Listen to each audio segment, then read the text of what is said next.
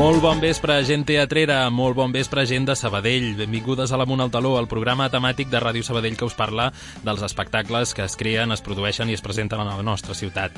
Us informem puntualment, ja ho sabeu, de tota l'activitat escènica dels principals grups i companyies sabadellenques, de les estrenes imminents als nostres teatres, però també d'aquells espectacles externs que ens arriben ocasionalment a Sabadell. Aprofitem per fer-vos eh, recomanacions teatrals de la capital, de Barcelona, i amb l'ajut de les nostres seccionistes comentem també la cartellera del cinema, es parlem de curiositats històriques del teatre local i de teatre musical. Tot plegat no seria possible sense la feina d'un equip fantàstic que procura cobrir tot allò que passa a Sabadell i que està format per Laura Lozano a la producció, Carlota Gorgori, Bernat Pareja, Júlia Stals, Elvira Frank, Edu Gil, Jaume Pont, Adrià Garcia, Pol Juera, Carles Blanco, Eli Xaviquero, la veu del programa en Francesc Asens i els nostres tècnics Antoni González, en Jan Casamitjana i en Guillem Palau i qui us parla avui com a presentador, en, Guill en Marcel Castillejo. Febrer de 2024, hem superat les festes i un gener costerut en què la ciutat s'ha estrenat com a capital cultural catalana. Una capitalitat que demana pressupost, inversió i un calendari ple de novetats i d'activitats culturals per a tothom, de tot tipus, enriquidores i que perdurin per Sabadell. Una capitalitat que de moment s'aguanta principalment per la motivació, l'empenta, l'altruisme i la dedicació de les companyies, entitats i col·lectius privats que elaboren els seus propis actes i els seus propis espectacles i programacions. I si cerquem més activitats, de moment trobarem tímids homenatges a figures locals importants, actes d'obertura, de, finançament i gestió dubtosa i programacions ja existents, com el Petit, el Betaquí, l'Observa, l'Ambassat, el Fresc o el Sabadell Escena. Una capitalitat que Sabadell desitja que sigui més que un logo incrustat en un racó dels programes de mà i una campanya publicitària amb cares conegudes dels mitjans de comunicació que poc tenen a veure algunes amb les disciplines culturals que es volen potenciar. Ens espera un any que eh, ha de marcar un abans i un després Sabadell avui està lluny de l'esplendor cultural d'altres ciutats com Barcelona, Girona, Tarragona o altres capitals de província i veurem quin és l'estat de la qüestió a les portes del 2025. Mentrestant, amunt al taló, comencem. Amunt al taló.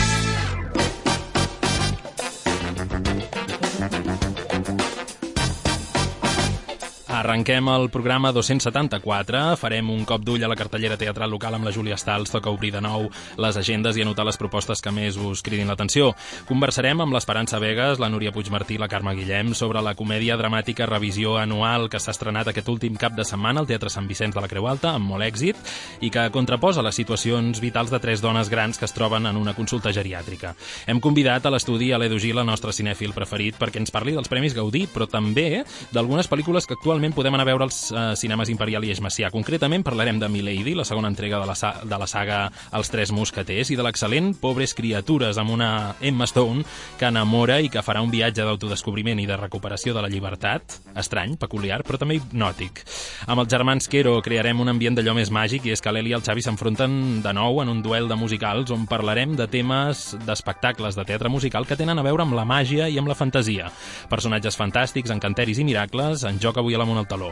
Finalment, amb l'Elvira Frank, la nostra experta de la cartellera de la capital, parlarem de Perla, un espectacle programat al Teatre al Maldà, que fa front a la invisibilització de les dones obreres, i també Cacòfoni, una proposta de la Sala Beckett sobre la popularitat i la humiliació i el risc que comporten de vegades les xarxes socials. Totes dues obres encapçalades per companyies joves. I ara sí, comencem. Els dimecres al vespre, amunt al taló.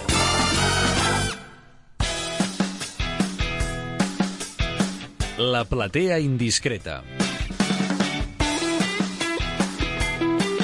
Obriu les agendes, estimades radioients, perquè és hora de fer un cop d'ull a la cartellera local amb la Júlia Stals. Bon vespre, Júlia. Bon vespre. Aquesta setmana obriu l'agenda, però només cal obrir una mica i ja està, perquè hi ha poca oferta, però hi hem d'anar. Sí, és curiós, eh? El mes de febrer normalment és... Ja vindran, sí, ja curiós, vindran. però aquest cap de setmana ens hem de moure una mica, una mica, perquè la joventut de la faràndula representarà la Blanca Neus i els set nans Mm. aquest diumenge a les 12 del migdia al Teatre Poliorama. Clar, és que si les portem a fora, Sí. les propostes per tant, sabadellenques... N'hi ha poques, però perquè ens hem de moure una mica. Bueno, ja queda molt febrer encara, Júlia. I tant, no, i a més ho represent, la representaran fins al 25 de febrer. Exacte, hi ha tant, tres hi ha, oportunitats. hi ha temps. Hi ha tres diumenges matí. Què més? Seguim Més a l'alternativa que interpretaran la Sala Roja dissabte a les 10 de la nit fins al 17 de febrer. Uh -huh. Alguna altra proposta més? Sí, acabem a la bàscula que presentaran potser demà aquest divendres a les 9 de la nit, dissabte a les 8 del vespre i diumenge a les 6 de la tarda. Molt bé. I algun altre recordatori? Sí, com sempre recordem que es pot trobar gran part de l'oferta cultural de la ciutat a l'aplicació Sincronitzats, disponible a iOS i Android i a la web de Sabell Cultura. Per Molt tant, bé. podem estar alerta de tot, Marcel. Sí, com dèiem, queda molt febrer per endavant, no? Sí, però és un mes curt també, eh? Sí, D'aquí poc ja estarem març. però jo prevec un febrer i març potent. Sembla Sí, que ens sí. hauràs de venir a explicar bastantes coses, Júlia. Jo Haurem de notar contenta, moltes jo coses a l'agenda. contenta. Doncs gràcies, seguirem atentes a les propostes teatrals locals programades i les anirem mencionant aquí, I tant, en que aquesta vagi secció. molt bé. Que vagi Bona bé. setmana. Amunt al taló, al teatre de la ciutat, a la ràdio. L'entrevista. Tres dones madures d'edat avançada es coneixen i conversen en una sala d'espera d'una doctora en un consultori geriàtric. Tres mons diferents, tres camins, tres destins. Cadascuna d'elles farà durant aquesta espera un retrat de la seva vida sentimental, sexual i familiar. Tres històries, tres actituds, tres tarannàs que no deixaran indiferents a les espectadores. Aquest és el punt de partida de revisió anual, una proposta, un muntatge de petit format dirigit per Antoni Garcia, que ja ha arribat al vestíbul del Teatre Sant Vicenç de la Creu Alta aquest darrer cap de setmana. Els dies 10 i 11 de febrer, aquest dissabte i aquest diumenge, hi haurà més representacions programades, per tant encara teniu opcions d'anar-la a veure. Sembla que aquestes tres dones que es troben en aquesta consulta de moment ja han triomfat, eh, perquè el ritme de venda d'entrades em consta que és molt i molt bo, i justament les tenim aquí a l'estudi. Avui ens acompanyen les actrius Esperança Vegas, la Carme Guillem i la Núria Puigmartí. Bon vespre. Hola, bon Gràcies vespre. per venir totes tres. Uh, I us volia preguntar primer de tot com és que decidiu, o com és que us arriba aquest text, o com és que decidiu escollir-lo no? I, i, i muntar aquest espectacle, revisió anual. Doncs aquest text ens arriba per part de l'Antonio Garcia. Uh, ell el llegeix i, i li agrada. I a partir d'aquí doncs, ens proposa doncs, uh, fer-lo i, i així, així és com ens arriba. Després nosaltres ens el llegim, ens entusiasma molt perquè és, és molt, molt enriquidor, molt maco, molt tendre i, i bueno, de seguida totes tres ens trobem molt a gust fent, preparant la- l'obra i bueno, cadascú doncs, treballa el seu personatge però la veritat és que ens hi hem trobat ens hi hem trobat molt bé des del primer dia Què us crida l'atenció a vosaltres, Núria i Carme, quan rebeu aquest text o el llegiu per primera vegada? En el meu cas concret era el meu primer test llarg. Mhm. Era el meu primer test llarg que em va oferir l'Antonio Garcia i em, em, a mi em va fer una mica de respecte. Però també t'he de dir que amb l'Esperança i amb la Carme de seguida em vaig sentir molt ben acollida. Jo no fa tants anys que, com elles que feia teatre molt recolzada i, i la veritat és que, que, que bé, de seguida amb, amb la Remei Mm. ens van fer amigues i elles la veritat és que em van ajudar molt. I em vaig sentir molt còmoda i fins ara, eh? Perquè primer tenia les meves reticències perquè era, era la meva primera feina llarga, sí, sí. Mm -hmm. Això fa vertigen, oi? Um, ja l'havíeu representat abans, aquesta obra, abans d'aquestes funcions aquí al vestíbul del Teatre Sant Vicenç? Sí, l'any el 2018, abans de la pandèmia, Uh -huh. la vam representar a la bàscula. Però ja et dic, el 2018, llavors va venir la, la pandèmia i... Sí, han canviat Sí. unes quantes coses, oi? Sí, sí, sí, sí, sí. Um, Expliqueu-nos ara com ha anat aquest primer cap de setmana al vestíbul del Teatre Sant Vicenç, aquestes dues primeres representacions, com ha estat la rebuda del públic? Què diu la gent? Doncs, doncs molt bé. La veritat és que ens feia una mica de besarda el fet de tenir el públic tan proper. Però eh, un cop passat el primer tram de l'obra, doncs ens hi vàrem sentir de seguida molt a gust i el públic va respondre molt bé i ens va felicitar la sortida i que els havia agradat molt i fantàstic, molt bé, molt bé. Per quin tipus de públic hem de pensar que està encarada revisió anual? Bueno, mm, bé, eh, potser per a un públic, diguéssim, gran, de, de, de, a partir de, de, de 60-70 anys, però bueno, també el, el, públic jove eh, sí, perquè coneix, coneix uns aspectes, unes vivències de, de pot ser dels seus avis i, o, o de pares, vull dir que també eh, poden veure l'evolució que hi ha hagut no? en molts en molts aspectes de, de, de, dels seus avis amb ells. Jo crec que és un, una obra per tots, per tots els públics. A més a més, és, passa bé, és una horeta, hi ha moments de còmics, hi ha moments més tristos, però bé, bé, bé, jo diria que és per tothom, per Sí, tothom. Sí, a més a més amb un llenguatge molt, molt planer, que entén tothom. Mm. Per tant, mira, hi havia la meva neta de 6 anys que em va dir a la sortida i ella no entén res, però bueno, la va aguantar perfectament i s'ho va passar bé, saps? Realment, sí, el tipus de públic que vol és a partir dels 40 o així, però ha vingut gent jove que han sortit entu- entusiasmats, mm. eh? Mm -hmm. Per tant, és una obra, és una obra assequible. Mm -hmm. um, I quin, quin estil d'espectacle ens hem d'imaginar? Una mica ara l'Esperança ho deia, no? Però més tirant cap a còmic, més dramàtic... Jo diria que és una 50, mica 50. tragicomèdia, no? Sí. Bueno, jo el definiria com la, com la vida misma. és la sí, vida. Sí. Hi ha moments de sí, tot. Sí, Sí. sí, sí. Sí, hi ha moments tendres, còmics, Sí. sí. que, que, que fa es- surti una mica la llagrimeta, una mica de tot. Sí, de hi, hi ha, es- sí. exacte, hi ha escenes del dia a dia. Vull dir, jo estic segur que el- que el que l'espectador que està allà ve- veient l'obra, aquells tres personatges els veu pel carrer, Sí. existeixen, Sí, sí, són sí, tres és- persones és- que existeixen. és que és real I pot ser una mateixa. veïna, o pot ser un familiar, o pot ser un amic. Totalment. Sí, sí. Per Són, tant, són, són són tres tip, prototips de persona que potser tenim més a prop del que ens I, pensem. Tant. Sí, sí, sí. Bueno, però no, precisament, ens ho diuen, no? Ahir m'ho deia una noia, diu, és que diu, a mi diu, m'ha recordat eh, a fulano, l'altre Sí. diu, és que jo veia la meva mare, vull dir, saps allò que... A més a més, sí, sí. són molt diferenciats un personatge de l'altre, saps? Un és molt tendre, molt dolça, l'altre és una mica seca, i llavors el meu és molt espitós, saps? Però la pròpia vida de Mhm. cadascuna que hem viscut és, ens ha portat a ser com som, saps? Mhm. Dieu que la gent es podrà sentir identificada no? amb aquests tres personatges d'una manera o altra. I tant. Um, com és que triomfa tant aquesta obra? O... Aquest seria el secret perquè funciona també, potser? Jo crec que sí. Perquè la gent els identifica fàcil? Exacte, però també primer pel que ha dit la Carme, no? és un llenguatge molt planer. Eh, és, es parlen aquelles tres dones com poguéssim estar parlant ara nosaltres, o tres dones que es troben amb una, amb una consulta, que les dones quan ens trobem doncs, no ens coneixem però comencem a xerrar. No? I, i, I a part d'això, doncs també perquè, perquè et et sents identificat. Jo crec que per això t'arriba, perquè ho veus un, molt... No, no, no, és, no és una obra de teatre, no, és, és un col·loqui, vull dir, no sé com... És un dia a dia, Sí. o sigui, de, de, de tres perfils de persones diferents eh, i que entre elles... I és, i és eh, el subtítol de Mai no és tard.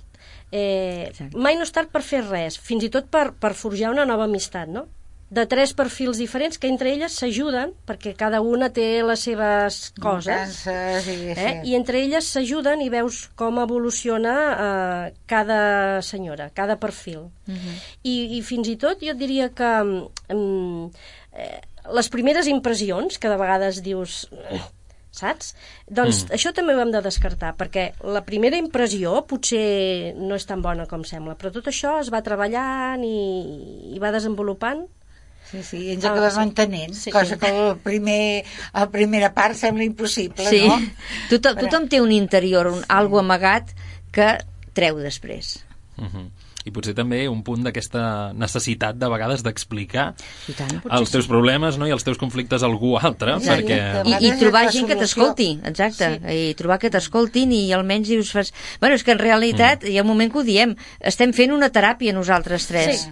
Estem, estem fent una teràpia, estem fent com si estiguéssim amb el psicòleg, però sense, som nosaltres tres, Sí, sense clar, el sí. psicòleg. Hi ha una primera presa de contacte que després, doncs, bé, es, sí. eh, exacte, va evolucionant. Sí, sí. Mm. És que el sol fet de, de, de, de extreure-ho, de, de verbalitzar-ho, ja ens serveix de teràpia. Vull dir, I llavors I una a l'altra, saps?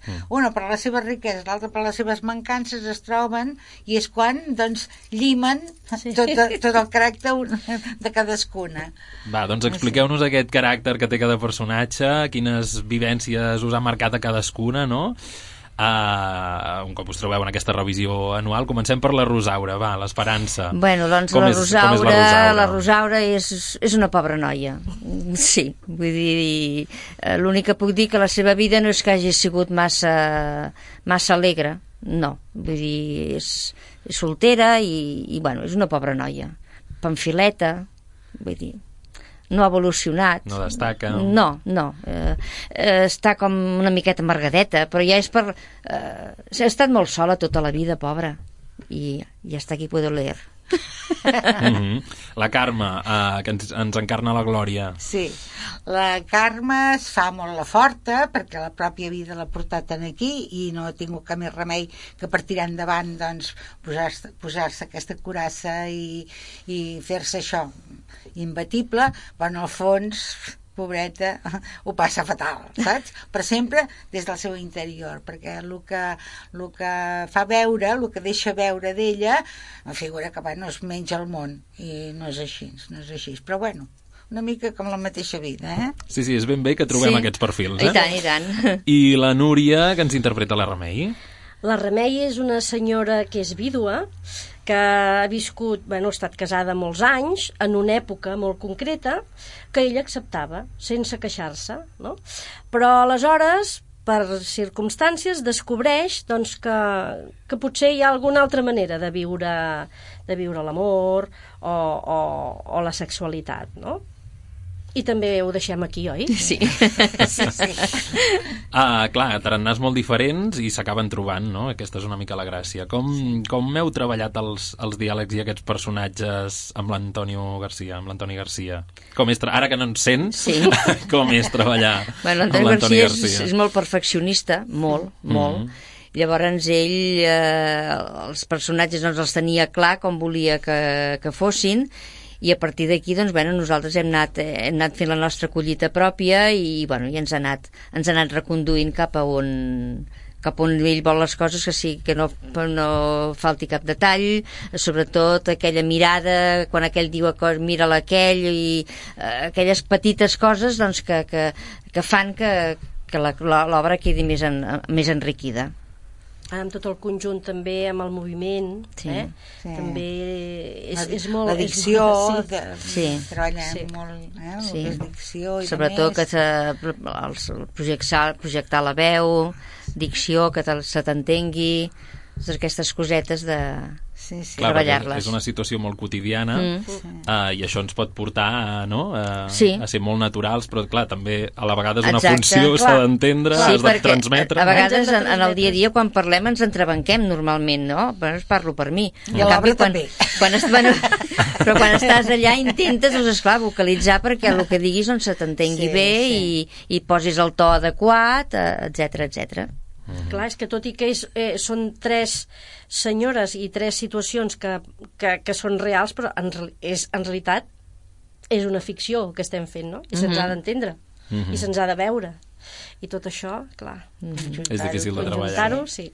Amb quin missatge ens podem quedar sortint d'aquest espectacle, un cop ja hem vist la unió d'aquestes tre- d'aquests tres personatges? Jo penso que el missatge és el que deia abans la Remei, que mai no és tard que hem de tenir doncs, això, esperança per, per continuar tenint il·lusions per viure la vida, per fer coses, per no tancar-nos a casa i no donar-nos per vençuts. Mentre tinguem salut, endavant, escolta'm, que cap repte ens, ens freni. I, i, no, I no hi ha edats. I no hi ha No, no, edats, no. sí. No hi ha edats. Saps? Que no covardir-nos abans d'hora. Pots tenir, endavant. pots tenir 70 anys, però... Que l'edat ser no sigui un inconvenient. No, No, no, no, no, no, no, no, no. diferents, Que eh? va, que va, al contrari. Sí, sí. Per fer de tot. Mai és tard i no, hi ha edats. Sí, sí, claríssim, claríssim. Mentre estiguem aquí, a vivir. Doncs va, l'edat no importa, ens quedem amb aquest missatge. Exacte. Uh, ja ho sabeu, Ràdio Oients, revisió anual al Teatre Sant Vicenç de la Creu Alta, una comèdia dramàtica sobre la vida de tres dones grans que s'acaben fent amigues i confessant-se les seves preocupacions. Els dies 10 i 11 de febrer, darreres funcions, a dos quarts de 10 de la nit i a les 6 de la tarda, respectivament. Uh, Esperança, Carme, Núria, moltes gràcies per venir. A vosaltres. A Gràcies. Gràcies. Gràcies, bona tarda. Els dimecres al vespre, amunt al taló. A Ràdio Sabadell.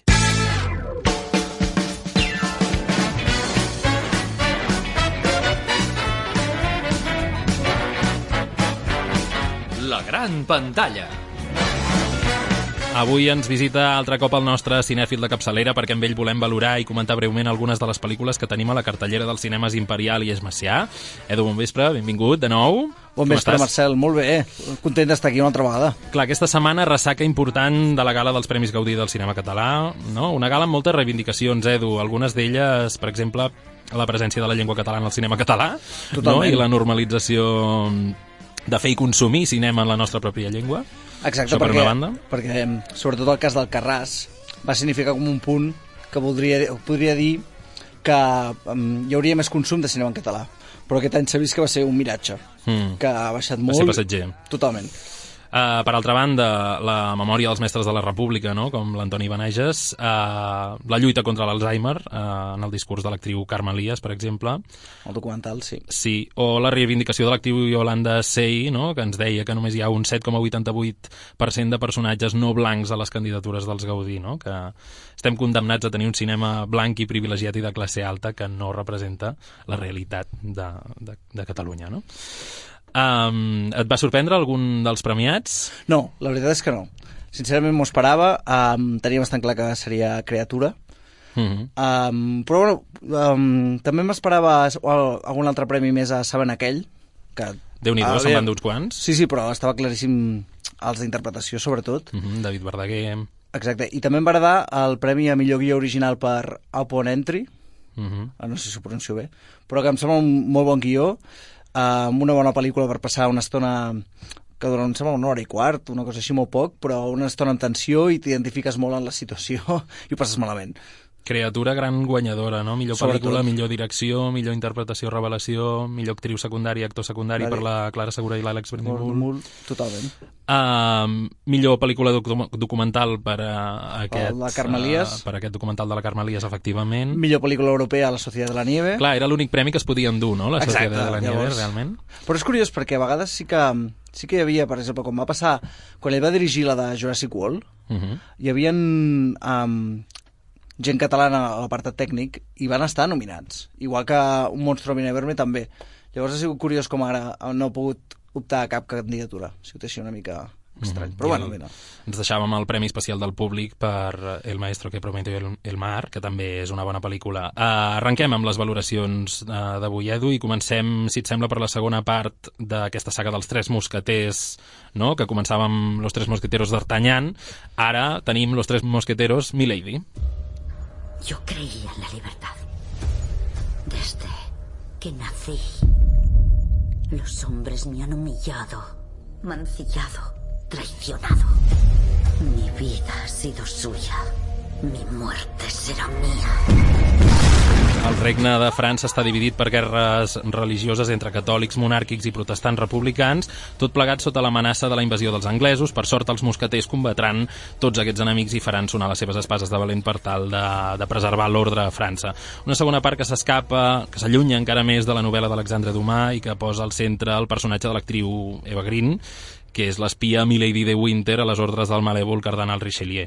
El punt de partida és el rapte de l'estimada de D'Artagnan, el protagonista indiscutible de la primera part, la jove Constance, eh, i la pel·lícula arrenca, a més a més, després d'un intent d'assassinat del rei francès, no? que era al final de l'anterior entrega. No? Correcte. Eh, S'havia de tenir molt present aquesta anterior, aquesta primera part, no? Clar, jo crec que el problema, el que van voler fer... Bueno, es van rodar totes seguides, i el que van voler fer és separar les pel·lícules i voler fer um, un punt de vista el d'Artagnan i l'altre punt de vista de Milady. I jo crec que aquest és el problema, potser. Perquè jo hauria fet, um, a part de seguides, de fer una pel·lícula de 3 hores, o 3 hores i alguna cosa, Mhm. i seguint la trama tota l'estona, no fer dos des de, punt, des de dos punts de vista diferents, perquè al final una mica l'argument o el que seguia a la primera es perd, es difumina en aquesta segona part. Mm -hmm. Clar, cal recuperar, al meu entendre, eh, potser massa aquestes trames obertes de l'anterior pel·lícula de la saga i això ens, a mi almenys em va agafar molt desprevingut, no? poc, poc preparat. La, tenia, la tenies... La no tenia en ment, però tampoc tant, no? Llavors, eh, clar, la primera entrega ho havia deixat absolutament tot obert, no? Semblava, al principi comença amb una mena de, en capítols anteriors, no? Exacte. D'alguna manera. Com si fos una sèrie de Netflix històrica. Llavors, a tu et va decepcionar? Potser una mica, no? Um, Perquè és que la primera a mi sí que em va agradar molt. Trobar interessant, fidel, i és allò que et deixa al final amb aquell regust, amb aquell obert, que dius, ai, vull més. Recordo que vam comentar precisament aquí, eh, l'Amunt al Taló, que hi havia hagut molt bona tria de, de localitzacions, els vestuaris, la- Els la- la- l'ambientació, la, caracterització... eh. L'humor. Vull dir que en aquest sentit està molt ben ambientada, no? Volen que sigui el més realista possible i ho I ho aconsegueixen, aconsegueixen, no? inclús al principi s'assembla bastant a la novel·la de, de Dumas, però ara en aquesta s'han descarrilat, com deies tu. Mm. S'han allu- S'han allunyat. Clar, tenim una Eva Green que està genial com a, com a actriu i que encarna un personatge que se li ha volgut donar una mica la volta, no? Potser. Exacte. Um, I es nota. que tingui un to feminista, s'ha intentat, potser. Que Bueno, li dona durant tota la seva absolut. vida ha estat dominada pels homes, els homes l- Sí, li sí, han sí. ordenat el que ha de fer. Et justifica una mica el personatge, no? Clar, tenim uns mosqueters també tormentats per l'amor, eh, D'Artagnan i Athos, i una trama còmica també, sí. dels d'aquests dos mosqueters secundaris, no? El Portos i l'Aramis. Uh, un es voldrà casar amb la germana de l'altre. Et va convèncer aquesta trama? Bueno, la vaig trobar com una mica ficada, una mica amb calçador, per donar-li més protagonisme amb ells. Perquè poguessin sortir els altres dos mosqueters, no? Exacte. Eh, eh, Vas acabar d'entendre la trama, per això, de la conxorxa contra el rei... No massa, la veritat. Eh que no? I No, molts no. intermediaris, molts missatgers, moltes traïcions... Costa Massa una mica... D'agafar-li el fil, eh? Sí? Et, va, et vas desubicar, eh, també? Sí. No sóc l'únic. Haurem de tornar a mirar. Potser sí, potser sí. En tot cas, De seguida, allò, allò, allò que diuen, no?, que les, les Segones segones parts parts... Uh, Segones parts. Exacte, no són massa bones. Um, parlem ara d'una altra pel·lícula, Poor Things, Pobres criatures. Esta es Vela. Vela, este es el señor McCandles. Hola, Vela. ¡Oh! Es un experimento. Buenas noches. Su cerebro y su cuerpo no están del todo sincronizados. Pero va. Aquesta pel·lícula brillant, estrambòtica, hipnòtica, ens explica la història d'amor i fascinació de dos metges, un de vell i impassible, Willem Dafoe, i un de jove i insegur anomenat Max McCandles, eh, cap a una criatura estranya i imprevisible, a qui tenen presonera a casa la, la preciosa Bella, l'actriu Emma Stone. Què et va semblar, Edu? Em va encantar. Sigui, vaig tenir l'oportunitat de veure l'any passat al Festival de Sitges i em va... És a dir, el director és bastant estrany, ha fet pel·lícules com Langosta i El sacrificio d'un ciervo sagrado, Mhm. però t'he de dir que aquesta, per sort, és la més...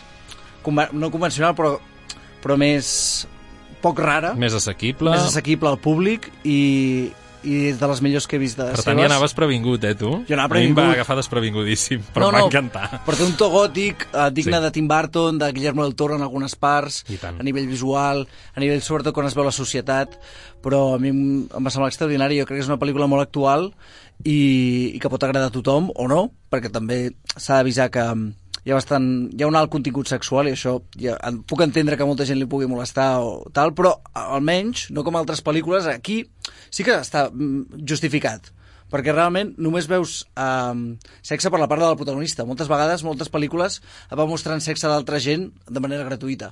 I en canvi aquí, perquè és, és el viatge d'ella, um, ella és Sí, a partir d'aquestes seqüències es vol explicar alguna cosa. Exacte. Tens tota la raó.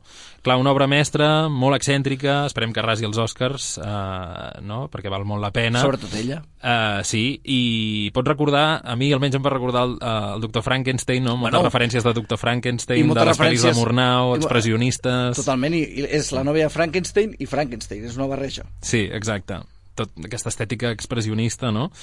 Uh, a nivell de missatge, fins i tot, uh, jo ho vaig, vaig establir com un vincle amb Barbie, uh, perquè també té aquest, com aquesta proclama feminista. No, eh, sí, totalment. Més ben justificat, per dir-ho així, sobretot a la part final, Sí. uh, perquè hi ha algunes sorpreses... A veure, salvant les distàncies i des d'un No, to no, absolutament no, no. diferent, eh? Totalment, perquè la pel·lícula és un viatge, realment. És un viatge necessari d'autodescobriment, amb, amb, una, amb un argument, amb una excusa a nivell de ciència-ficció, però ben que te l'acabes creient i ben justificada, més o menys dintre el que cap. Mm. I, clar, és, això és el procés de viatge, on hi ha personatges secundaris que són... Clar, suposo que la referència també la posa Barbie pel, pel que fa l'home. És a dir, el Mark Ruffalo s'assembla una mica al Ryan Gosling. És a dir, al principi... El rol. Com, el rol és, eh, comença com el típic així Casanova, que ho sap tot, i després acaba sent un... un bueno, la misèria o, o acaba com sent molt estúpid. Aca- Acaba ridiculitzat. Ridiculitzat. I, I tant. Anem a situar les oients, si et sembla, a nivell de trama de la- d'aquesta pel·lícula. Sí. El doctor trobarà un cos mig moribund inconscient d'una dona de l'alta societat que es vol suïcidar i decideix implantar-li atenció al cervell de la criatura que estava gestant aquesta dona. El resultat és meravellós, amb electricitat donarà vida a una criatura que ho ha d'aprendre tot però que en realitat té el cos d'una dona jove, no? d'una dona adulta i atractiva. L'aprenent, l'altre doctor, el McCandle, serà l'encarregat de supervisar aquest experiment. És possible fer créixer un infant innocent i inconscient en el cos d'una persona adulta. Ben aviat el jove aprenent s'enamorarà de Bella i planificarà un casament, una boda que no s'acaba de celebrar mai, no? que queda aturada perquè fuig, eh, la noia fuig amb un farsant. Al llarg d'aquest viatge per veure món i convertida sense saber-ho en esclava sexual d'aquest home tan impresentable, Bella anirà prenent consciència dels perills i de les injustícies de la societat, de les paradoxes, de les contradiccions, dels dilemes que, amb els que convivim l'espècie humana, no? Correcte. Uh, una excentricitat que no us la podeu deixar perdre, no? La gent que li agradi el cinema no se la pot perdre. No val la pena, és a dir, sí que potser uh, no entraria a la categoria d'obra mestra, que per molta gent ho és, però no s'ha d'anar amb aquesta expectativa, perquè si no potser esperava, potser esperava una mica més, coses que he llegit. Jo crec que és una experiència que molt, molt xula, molt, a nivell visual, molt divertida, uh, no es fa llarga en cap moment, almenys a mi no se'm va fer, mira que dura dues hores i quart, aproximadament. Sí, però... però no hi penses, en canvi. No, no, no hi penses, un final convincent i sobretot això et quedes amb ella. Mm -hmm. Bella coneixerà aquest, aquesta realitat exterior, no? al final acabarà obrint els ulls, s'adonarà que, que s'ha d'empoderar, que s'ha de fer valer, i que ha de ser independent i formar-se un criteri, no? que, que ha d'experimentar i, i poder jutjar les coses que té al seu entorn. En aquesta pel·lícula es parla, a més a més, potser de molts temes, no? perquè es parla de la violència contra la dona, de la sexualització dels infants, també de les nenes, sobretot, d'explotació sexual, de llibertat, d'autonomia, de, de, De la de, pobresa. de la pèrdua dels drets uh, individuals. De l'aristocràcia i tot. T'anava a preguntar, potser, potser massa temes o, o molt, No. molt ambiciós en aquest sentit la pel·lícula o creus que ja va bé que faci totes aquestes denúncies? Jo crec que no, perquè al final tampoc um, va fent com pinzellades i jo trobo que al final acaben ser com necessàries per descriure una mica aquest personatge, per autodescobrir-se, per veure com és el món no? i no crec que es faci passat en aquest sentit i siguin masses temes uh, perquè sobretot ho, ho comences a pensar un cop acaba la pel·lícula, no hi vas pensant mentre la veus, Tens no, tota no, tens, no tens saturació en aquell moment, jo crec que és important després comences a reflexionar i dius, oh mira, ha parlat d'això tal, ha evolucionat en aquest sentit um, És una pel·lícula que critica- s'ha de pair després, no? 100%. Sí, totalment. Eh, Sobretot porta a reflexionar i a obrir debats i sobretot també per això, per parlar amb la gent amb què surts o quan la veus tens ganes de comentar-la amb algú. Clar, anar-hi acompanyat, no? És important. Exacte. Uh, L'Emma Stone dèiem que fa un paper rodó, no? amb una transformació impressionant de principi a final, no? un arc de personatge super ben construït, uh, molt calculat, no? uh, cuida fins últim detall de, de gesticulació, de, de, de veu, de tot. No? Sobretot al començament, Mhm. que és molt important. És a dir, quan tu representa que fas, fas veure que, que ets com una nena petita, com Sí. ho fas amb aquest cos? Això és complicat. Després també et volia parlar de la, caracteri de la caracterització del Willem Dafoe, no? Eh, D'aquest actor, clar, que a més a més ell ja té unes faccions molt marcades i molt grotesques, però encara ho són més en aquesta pel·lícula. Sí, sí. Um, No, no, fa, fa com por, eh? Però, però també acaba construint un personatge molt, molt maco, molt...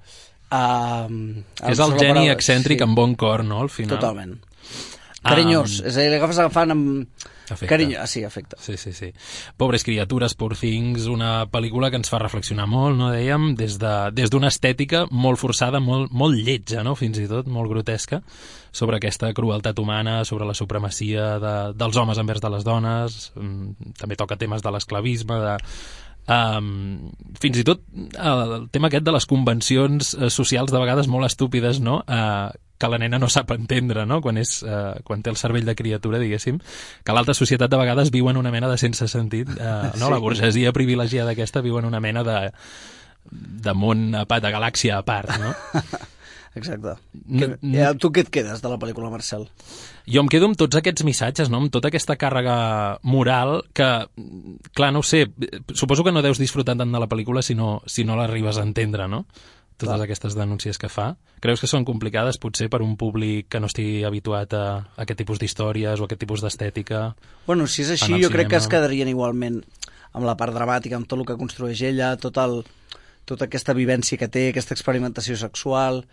Uh, jo igualment això, la gent que la va veure, com he dit abans, sempre els hi aviso que hi ha bastant de sexe, però, però bueno, a fort també diuen, bueno, no passa res, i al final jo, és el que dèiem, que el que he comentat, que al final no és explícit, eh, està com justificat, ella ho justifica, eh, dient que és necessari. Clar, eh, també aquesta, l'estètica aquesta de, de liniana, com de Buñuel fins i tot Sí. també, d'aquest com a avantguardista potser tampoc pot agradar a tothom, no? No agradarà a tothom.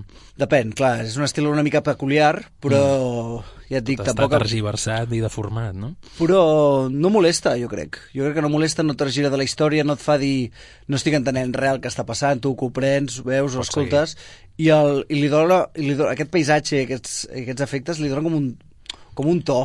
Li dona el to de la pel·lícula que, no, que en cap moment estàs dient, oh, què està passant, eh, que lleig tot, no, no. Vas, ho acceptes. Clar, Almenys, almenys en el meu cas, eh? És una pel·lícula que, diguem-ho, eh, està dividida en parts, això va, no?, com en blocs, això va molt bé per anar-se ubicant, cada espai serà un color diferent, uns tons de colors diferents, no? Això també està molt bé. Clar, fins i tot quan és presonera representa que és en blanc i negre, la pel·lícula. Exacte, En està canvi, molt bé. després- No, juga molt bé els colors, a nivell visual, hi ha una construcció, és a dir, per això crec que val la pena tornar-la a mirar o fer-li més d'un visionat, per, Sí. sobretot això, per anar comprenent totes aquestes coses que no ens hi fixem la primera vegada. Per la primera vegada et centres en la història, no et centres en els detalls. Mhm. Així que ho tornaré a mirar. Una, una banda sonora, Edu, i uns efectes sonors també molt estridents, no?, que acompanyen amb aquesta llum també molt forçada, molt exagerada, uh, uns, uns sons i unes músiques molt excèntriques que capten l'atenció i que de seguida genera aquesta atmosfera de, de misteri de, molt desconcertant, no? Sí, jo crec que potser és una mica un homenatge, no?, el tipus de pel·lícules que es fan de, de monstres i tal, i com que no deixa de ser una idea molt de Frankenstein, doncs és una mica un petit homenatge a aquest cine. Mm -hmm. Nota? Un 8. Tu li ficaries el 9 o no? Uh, fins i tot el 10, eh, Edu, Ah, eh? doncs va, fiquem un 8 i No, un mig. 9 i mig. No, jo li posaria un 9 i mig, Jo, sincerament. jo el 8 i mig li fico. Et sembla Crec bé? que ets dolent i que hauries de posar l'excel·lent, Edu. Uh, en fi. Doncs, Edu, moltes gràcies per, per ser aquí avui a, a Ràdio Sabadell i seguim uh, atents i atentes a què tenim a la cartellera dels cinemes Imperial i és Macià aquí a la gran pantalla. Moltes gràcies. A tu, Bon Marcel. vespre. El Teatre Sabadellenc a Ràdio Sabadell.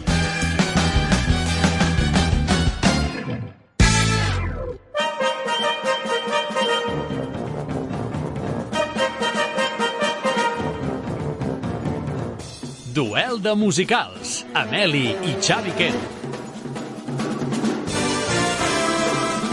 Com dèiem al sumari del programa, avui duel de musicals. Ens visiten els germans Quero, l'Eli i el Xavi per enfrontar-se de nou. I avui ens porten una selecció de musicals, de temes de cançons, d'espectacles de, de, de teatre musical que tenen a veure amb màgia, amb fantasia. Ens porten musicals màgics a motiu del Dia Mundial de la Màgia, que va ser, de fet, fa pocs dies, eh? fa tot just una setmana. Com esteu, Eli i Xavi? Molt bé. Molt bé. Hi ha, hi ha molts musicals màgics? O que ha estat difícil o fàcil la recerca? Ha estat molt més fàcil del que pensàvem, però a partir d'aquí hem intentat eh, trobar les coses més xungues. I, i, I la temàtica dins de la sobretemàtica, que sigui encara més estrany. temàtica dins de temàtica dins de temàtica. Clar, juguem a desconcertar, no? Clar, de, de ben segur que haurà estat potser una mica més senzill que d'altres temàtiques que hem tingut aquí a, a la secció, no? Possiblement. Doncs va, arrenquem um, amb la primera subtemàtica, no? el primer paquet. Exacte. Doncs començo jo amb la màgia del teatre, que no només és que tot allò sigui ficció, sinó el fet de convidar i acompanyar l'espectador d'una manera o d'una altra. Per tant, començarem amb, ara amb el Màgic 2, on la màgia i el mag ja el tenim. Com podem fer una imitació a partir de, de, de tot això? És evident que anuncien allò que farem, convidant el públic a la seva aventura, de la Dorothy i els seus amics que va fent pel camí a fi de trobar aquest Màgic 2, que donarà tot allò que els hi falta als personatges i retornarà a la Dorothy a casa, perquè, tot i no suportar la seva tieta, vol tornar a casa amb en Totó. Ara sentirem el cor de Munchkins. Doncs uh, amb aquests clàssics l'Eli està captant vots, eh? Follow the yellow brick road. Follow the yellow brick road. Follow, follow,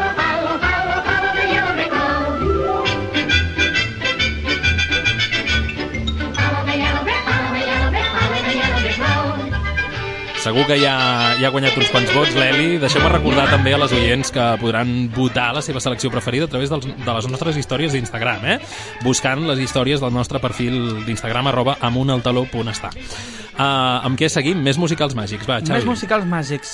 Mira, aquesta invitació màgica, en aquest cas jo la faig trencant la quarta paret. Trencant la quarta paret directament, on et trobes una companyia que t'explica que el seu intèrpret més jove serà el protagonista, que és el que passa al musical Pippin de l'Stephen Svart de l'any 1972. Ah, aquest m'encanta. A mi ja m'has guanyat. Escol Escoltem-lo, no?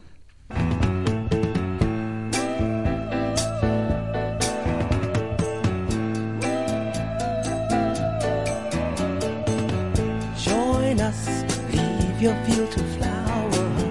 Join us, leave your cheese to sour. Join us.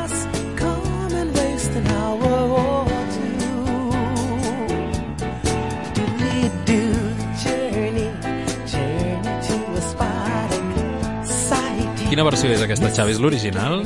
Original, aquesta és l'original i és un musical molt curiós perquè, És, clar, és, és de culte, no? Aquest musical podríem dir? Totalment. Eh, fa una setmana l'estàvem fent a l'Institut del Teatre, Sí. a Terrassa, i no vaig poder anar perquè no me dava l'agenda, Mm. perquè vaig anar a veure massa coses la setmana passada. Però, particularitats, aquest musical el va produir la Motown. És a dir, va ser el primer musical de Stephen Schwartz i el va produir la Motown perquè una de les cançons d'aquest musical va passar al repertori de la Suprems que esto la gente no lo sabe. Però bé, i a part és un musical que estem parlant del fill de Carlemany.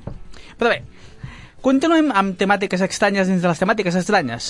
Un altre, saltem Sí. de, tema, de subtemàtica. Vinga. En tot musical sempre hi ha un ball, un ball màgic, un ball màgic que sempre ocupa la part més important de l'obra i que no sabem per què sempre l'acaben fent els dolents de l'obra.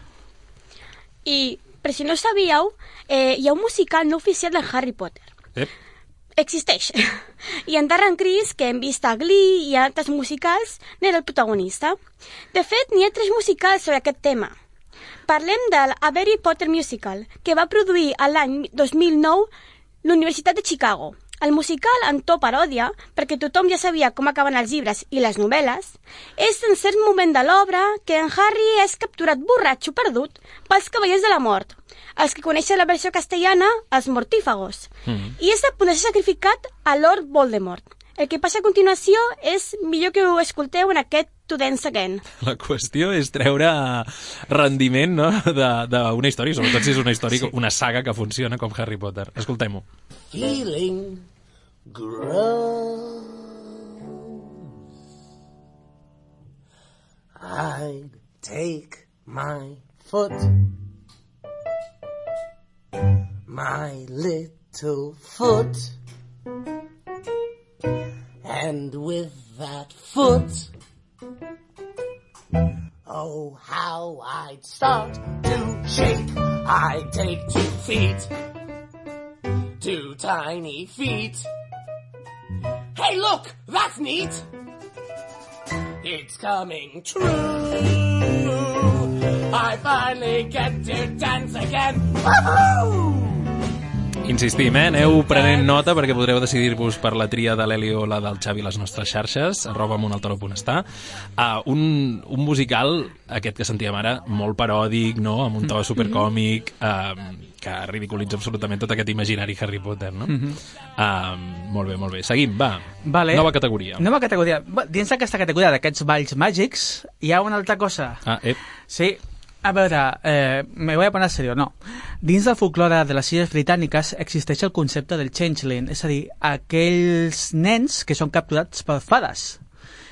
I n'hi ha una pel·lícula que va sobre això, Mhm. i molts la coneixen, que és Labyrinth, Labyrinth de Jim Henson, amb David Bowie. En David Bowie, aquesta pel·lícula d'any 1986, en cert moment, en David Bowie, que no deixava de marcar tota la seva anatomia en aquest musical, doncs feia un, mal, un, feia un ball, que era el Magic Dance. Molt excèntric aquest, uh, aquesta proposta que ens fa el Xavi, eh, també. A veure com fa.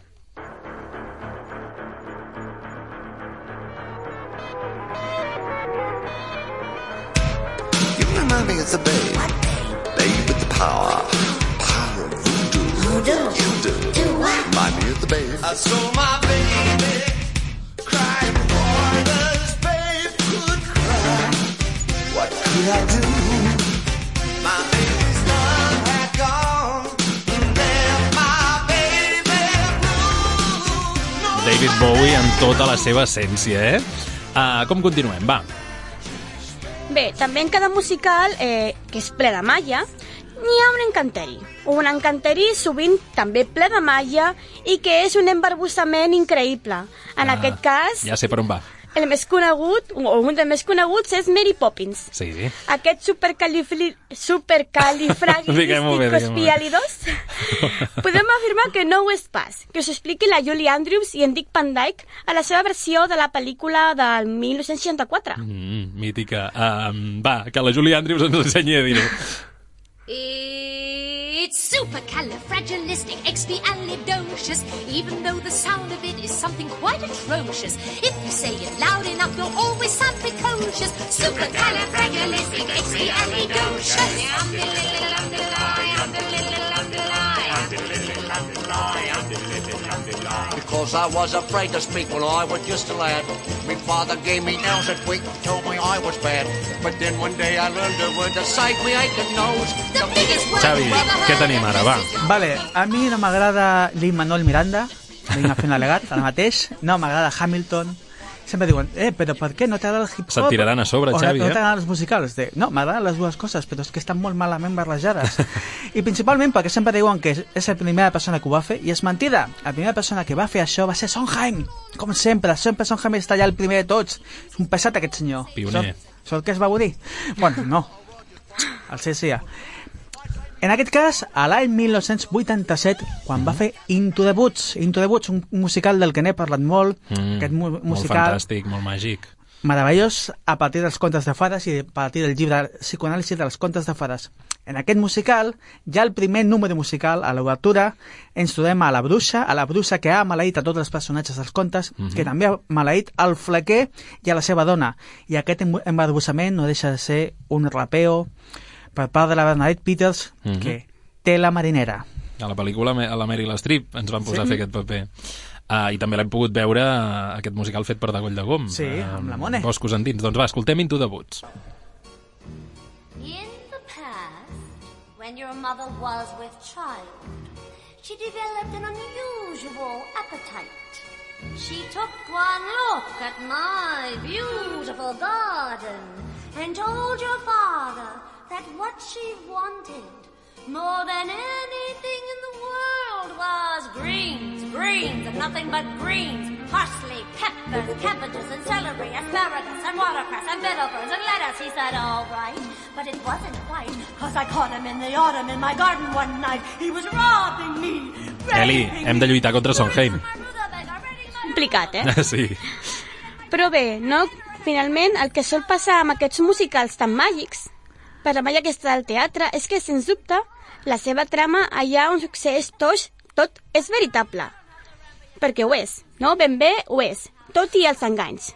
I justament en aquest cas eh, parlo del musical de Wicked, quan Mhm. la Galinda, una Glinda, justament al final menteix descaradament. L'elfama no és morta, tampoc és malvada. L'elfaba, tot i les seves desavinences, sempre ha estat la seva amiga. I per una amiga farà el que faci falta. Mentir a qualsevol, fer passar aquesta gran mentida per una gran, una gran veritat pietosa que farà que l'elfaba finalment pugui viure la seva vida amb en Fiero, tot i que ningú plori la bruixa. Ja trigava a sortir Wicked. Doncs va, escoltem-lo. Who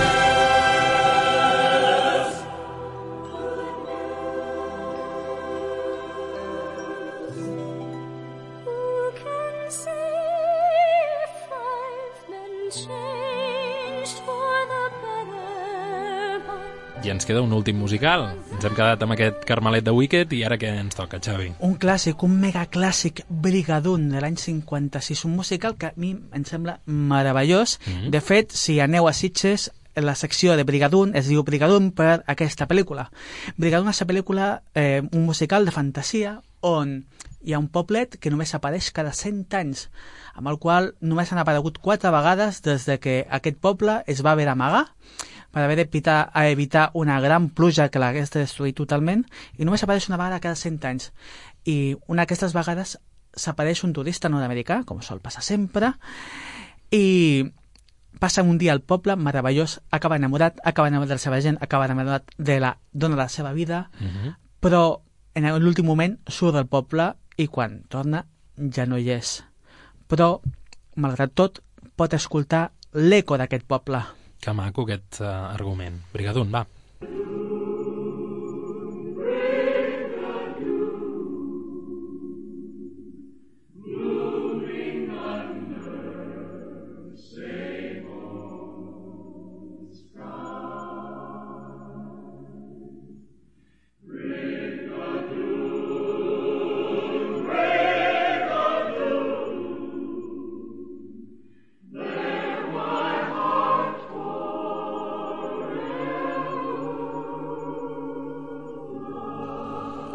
Doncs les radioients decidiran quina selecció els ha agradat més a través de xarxes. Recordeu que això serà accedint a les històries del nostre compte d'Instagram, arroba amuntaltaló.està.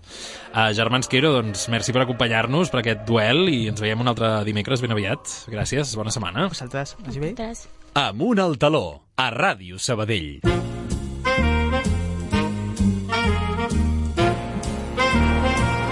Teatre de Franc.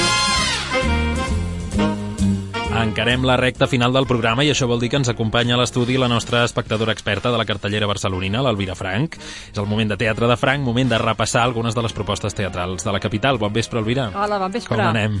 Doncs bé, bé, anar, anar a teatres molt sovint. A teatre gairebé cada dia, eh? Quasi avui, que- avui parlarem de Perla, un espectacle d'una jove companyia que s'ha instal·lat al Teatre al Maldà i que Mhm. parla de dones obreres, Sí. i de Cacòfoni, una proposta també d'una companyia jove, no?, a la Sala Beckett, També. amb Clara de Ramon, Albert Salazar, entre d'altres intèrprets. Exacte. Um, les companyies joves que es van, van conquerint no? aquests petits i mitjans espais, aquestes petites i mitjanes que sales es d'exhibició. necessita també mm, gent jove que avanci en el teatre, eh? que no es quedi només amb, amb la gent més coneguda i més gran, Mm. sinó que això és el futur del nostre teatre. Eh? I tant. I a més a més és que són un jovent molt ben preparats tots. Tots Mhm. surten, són gent d'institut i surten amb una preparació. Sí, amb ganes de tirar endavant potser un altre tipus de, de projectes. Segurament, No? sí. Doncs va, per quina començarem? Comencem per Cacofe, Cacòfoni, sí. sí. De Molly Taylor, que es representa a la Sala Beckett. Una traducció d'Oriol Puiggrau i l'Anna Serrano Gatell, que també s'ha cuidat de la direcció, l'Anna Serrano. Una obra representada, com em dèiem, per gent jove, amb una temàtica que interpel·la tant els joves, però que també pot interessar a les persones més grans. Avi i les seves amigues i amics decideixen anar a una manifestació per denunciar un cas de violació i reafirmar-se amb la feminitat.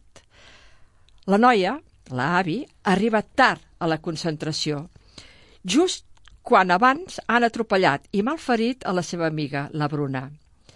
L'avi publica a les xarxes un sentit i commovedor escrit explicant i denunciant els fets.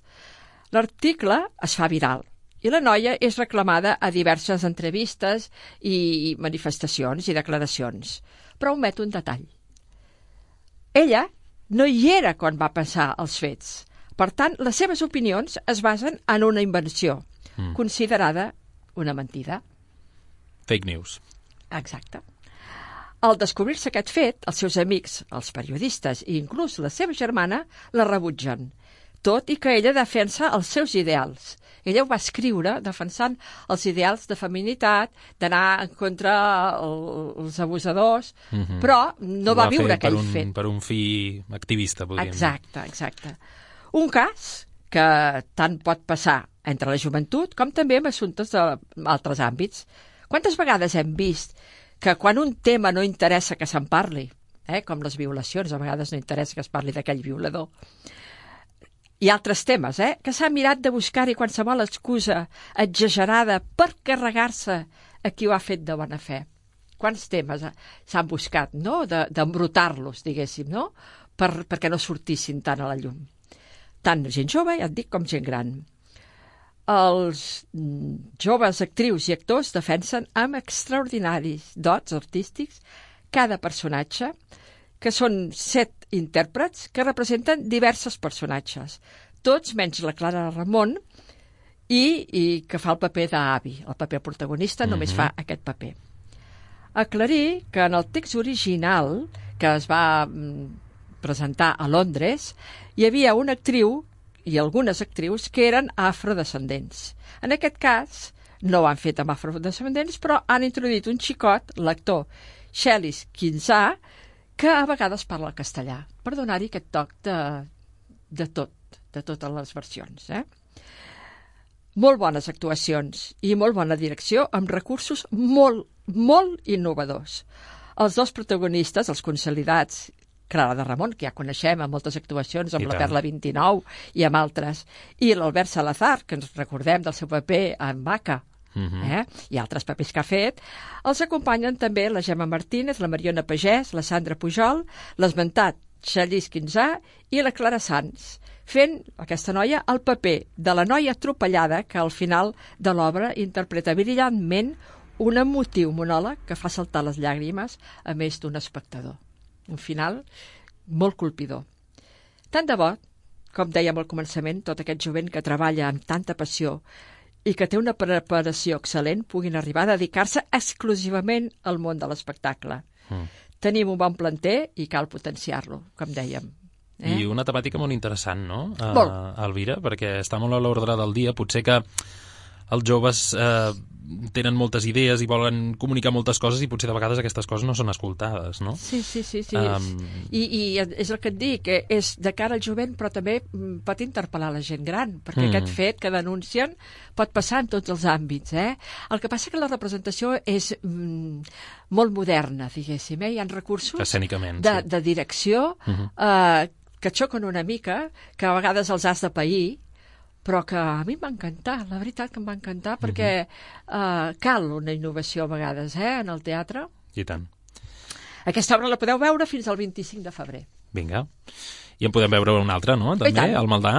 Podem anar al Maldà a veure Perla, Uh -huh. amb dramatúrgia conjunta de la companyia Les Pinyes i Francesca Badell Cubells, una producció que aquesta companyia de teatre està formada fa cinc anys, que hi va sortir de l'Institut de Teatre, però ja fa cinc anys que roden, eh? Uh -huh. Generalment treballen en la creació col·lectiva, presentant teatre visual i llenguatge simbòlic amb objectes, objectes i també música. Eh? No és ben bé teatre de text i prou, sinó que els objectes hi tenen molta importància, o hi donen molta importància.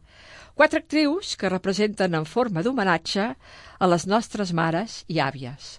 Dones que han treballat a les fàbriques o al camp més de 70 hores a la setmana i que, a més a més, han pujat una família i uns fills i una casa. L'obra es centra a Manacor, precisament en l'artesania de productes de les perles artificials, les famoses perles majòliques. Unes indústries on treballaven majoritàriament dones, la majoria tot eren dones. L'actriu Francesca Badell explica la història de la seva àvia i de les seves companyes. Unes dones que eren anomenades parleres, s'hi deien les parleres. Dones que van protagonitzar moviments obrers que es posaven s'exposaven a patir malalties manipulant substàncies tòxiques, nenes molt jovenetes que treballaven de sol a sol, però que cantaven i ballaven alegres als ritmes de cançó espanyoles acollint també els nous turistes que anaven envadint i canviant les seves terres i els seus costums. Mallorca, en aquella època, parlem de 50 anys enrere, Mm. va anar canviant i ara és més de cara al turisme que res més. Mm. Aquella època era la gent del poble que anava a treballar o al camp o en aquestes fàbriques. També hi entren records de la Guerra Civil, de la falange espanyola i de creences religioses. Aquestes dones, que mai sortiran als llibres, però que han configurat la nostra història. Això, això, els grups in, invisibilitzats, no? I que La importància de parlar-ne des d'espais com el teatre. I tant que sí, i donar-los aquesta importància. Una obra que les quatre protagonistes anomenen documental i que està plena de tendresa i sensibilitat delicada i sincera. Una proposta que fa participar vivament els espectadors, tant sigui cantant o simulant que, simulant que està fent una creació d'una perla. Eh? Diuen, va, feu, feu una perla, aneu arrodonint una perla. Mm. I el públic ho fem. I inclús alguns ballant amb les actrius. A part de les interpretacions, destacar els objectes que les actrius manipulen i que es pot veure directament amb una pantalla. O sigui, elles ho van filmant. Mhm. Fotografies de l'època, figures retallades i petits detalls d'un temps que potser les nostres àvies ens han explicat. I sobretot els collarets i les arracades de perles, evidentment, no hi podien faltar, incloent també la gentil invitació que abans de començar d'una degustació de te o de cafè. Molt amables. Mhm. Una verdadera perla, diria jo. Una perla teatral que l'acollidor espai del Maldà transporta en un altre temps. Mhm. Aquesta es podrà veure fins al 18 de febrer.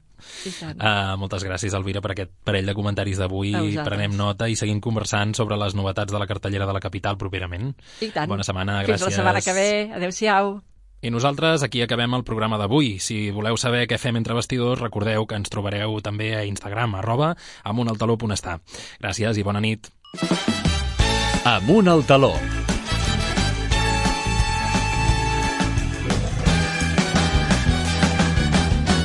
A Ràdio Sabadell.